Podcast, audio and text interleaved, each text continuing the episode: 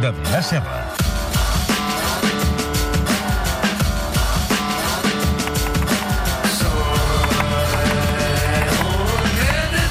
Adrià Serra, bona nit. Bona nit. Com estàs? Bé, bé, millor.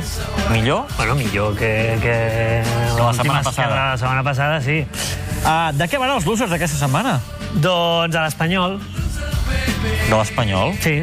Sí, perquè vaig escoltar el final l'altre dia, avui al Ballar i tal. Està molt malament, aquesta gent. Molt enfadats. Estan patint molt, eh, està la cosa d'orilla.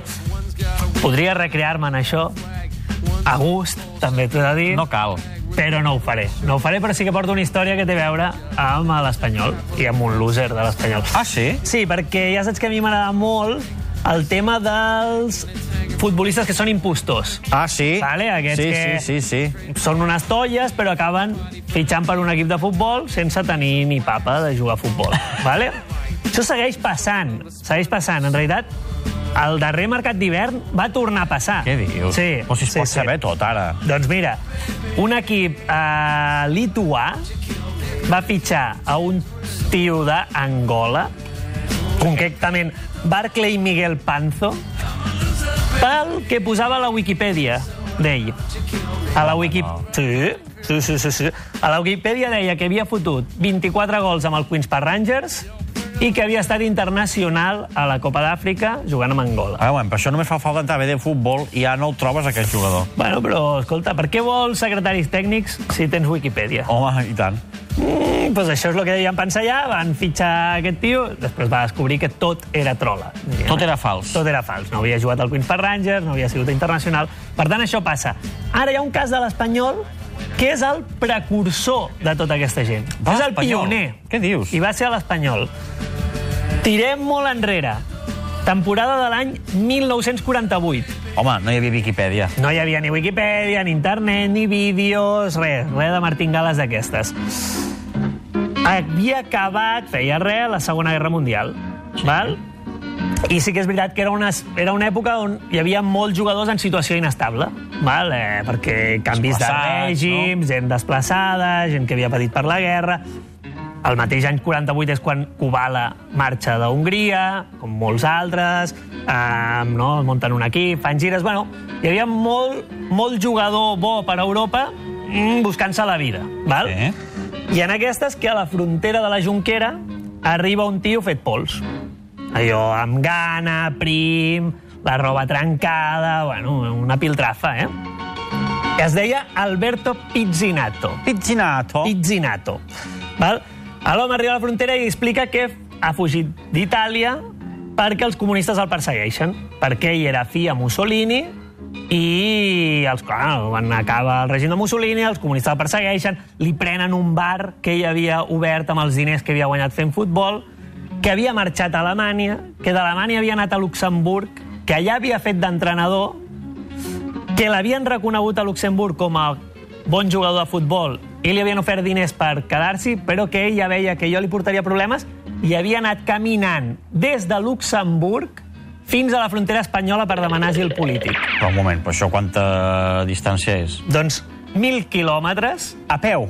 Google Maps diu que trigues 200 i pico hores a fer-ho. Sigui, 10 dies. No està mal, eh? No, més, més de 10 dies. Algú podria haver sospitat d'home. Una mica estrany. Luxemburg, caminant, tal, bueno. Eh? Tot cas, diuen, hòstia, eh, passa, no? Es persegueixen els comunistes, vente a Espanya. Passe, eh, Saps? Passe, i quan està a Figueres, a la comissaria, i explica ja bé tota la història, diu que ell és jugador de futbol professional, que ha estat internacional amb Itàlia a l'Olimpiada de Berlín, Ah. Eh, val? que ha jugat amb el Ligúria i amb l'Ambrosiana. L'Ambrosiana segurament no nos viene nada per Ambrosiana, però si et dic que és, com es deia, l'Inter de Milà Home, a l'època de Mussolini, perquè això d'internacional eh, els hi sonava internacional comunista i li van canviar el nom i li van posar Ambrosiana, doncs estem parlant d'un dels millors equips d'Itàlia. No només això, ell va explicar que feia doble atacant amb Silvio Piola, que era dels millors jugadors Sí, de l'època. aquest és un mite. Val? Ah, per tant, deies, hòstia, aquí Viola i Piccinato. Aquí està, ha vingut un crac. Clar, al final la gent flipava, diu, hòstia, això no és com si et ve Messi, però, és com si t'arriba Coutinho, fet pols a la frontera. Dic, home, 140 eh, cuidao.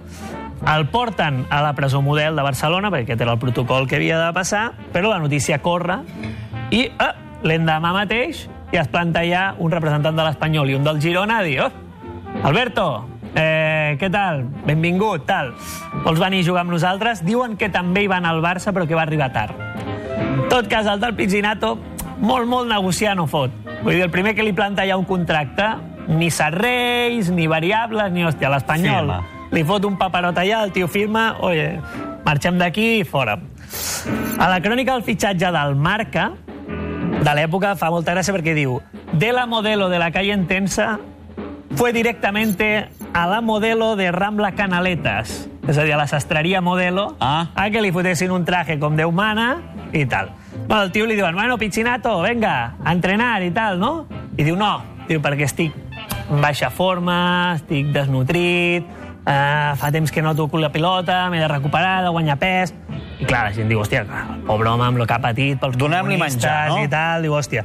El posen a casa la família Bosch, vale, allà, que es recuperi fotent-se comilones, descansant al jardinet, allò del casoplon de la burgesia... Bueno, bah, recuperen, no? Ho has pagat molt malament pels comunistes. Pes, Pes va agafar el Sí? bo, el bo d'Alberto. Bàsicament perquè menjava molt i corria poc allà a la casa. Vull dir que el tio se'l veia allà al jardinet, fotent-se croquetes i tal, però molt, molt d'entrenar no feia. Clar, a mitjans d'octubre la cosa ja canta una mica. Ja l'entrenador, que era Pepe Espada, diu, home, mm, xato, eh, t'hauríem de veure, eh, com a mínim entrenar i tal, eh? No, hòstia, míster, és que estoy mal, tal. Al final la directiva li diu, tio, mm, ja, et volem veure al camp. Li diuen, aquest, aquesta setmana jugaràs el partit dels dijous eh, per començar-te a posar en forma. I aquí és on la cosa es desmunta. I el tio diu, mireu, jo... Futbol, futbol, no he jugat mai. No en tinc ni papa. No sé ni què és. I clar, ah, l'espanyol diu, com que no? No, m'ho vaig inventar perquè, hombre, la vida està muy mala i tal, vaig arribar aquí a la frontera, vaig veure l'oportunitat, vaig veure què colava, vaig inventar la història i, escolta, fins aquí A arriba. l'Espanyol, eh? Sí. D'aquí desapareix Pizzinato, no se'n sap res més. Suposo que per vergonya i tal també van picar els mitjans de comunicació perquè ningú va anar a comprovar les coses. Si no sabem què va, ni co, No com va sabem- morir aquest home, ni on va anar a sabem. petar, ni aquí jo no he més... trobat res. No he trobat res. Pizzinato. Que- El que sí, com que el tio li van fer fitxa, en l'àlbum de cromos de l'any 48 està el cromo de Hi ha Pizzinato. cromo de Pizzinato, Hi ha eh? cromo de Pizzinato amb la samarreta de l'Espanyol i que, bueno, com a mínim això, jugar partits no en va jugar ni un. Gol no en va fotre cap.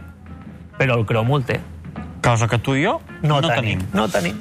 Adrià Serra, moltes gràcies. Tant la Molt bé que aquesta ve. història.